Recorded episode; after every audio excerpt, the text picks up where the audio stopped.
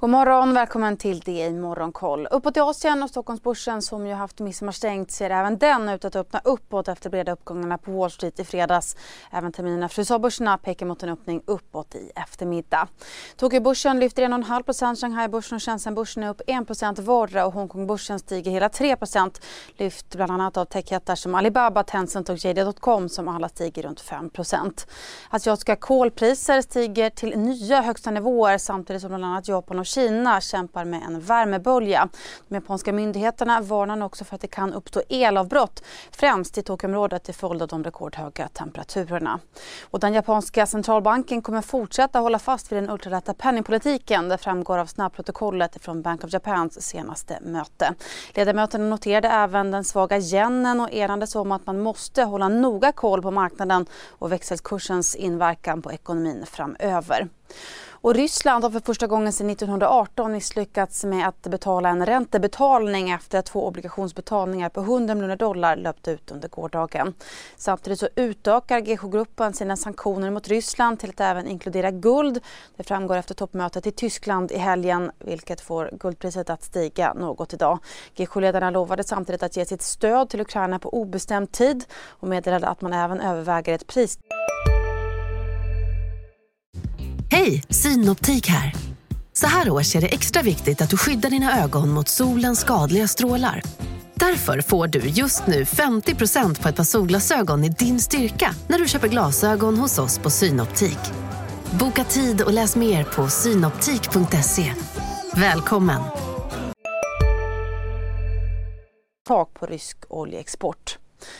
Det var klara uppgångar på Wall Street i fredags och börserna bröt därmed de senaste tre veckornas nedgångssvit. Breda SPP lyfte 3% och det 90 Nasdaq steg drygt 2,5 ABC-verken Polestar som gjorde premiär på börsen stängde på drygt 13 dollar per aktie vilket är nästan 16% högre än sista handelsdagen för SPAC-bolaget Gores Guggenheim. Polestar värderas därmed till omkring 275 miljarder kronor vilket är betydligt högre än Volvo Cars. Och sist så måste vi också nämna att läkemedelsbolaget bolaget Oncopeptides som ju rusade för börsen utan några kända nyheter i förra veckan. I torsdags efter Stockholmsbörsens stängning så kom beskedet att bolaget fått fullt godkännande för sitt läkemedel Pepaxti av den europeiska läkemedelsmyndigheten EMA.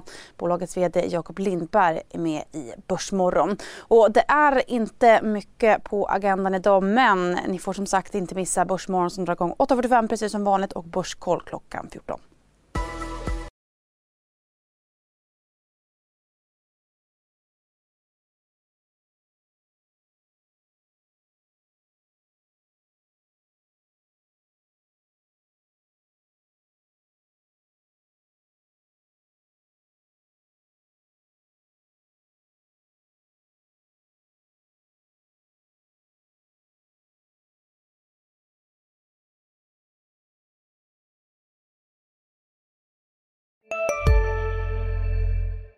CSRD. Ännu en förkortning som väcker känslor hos företagare. Men lugn, våra rådgivare här på PWC har koll på det som din verksamhet berörs av. Från hållbarhetslösningar och nya regelverk till affärsutveckling och ansvarsfulla AI-strategier. Välkommen till PWC. Det där var för att uppmärksamma er på att McDonalds nu ger fina deals i sin app till alla som slänger sin takeaway förpackning på rätt ställe. Även om skräpet kommer från andra snabbmatsrestauranger som exempelvis Ma... Eller till exempel Burger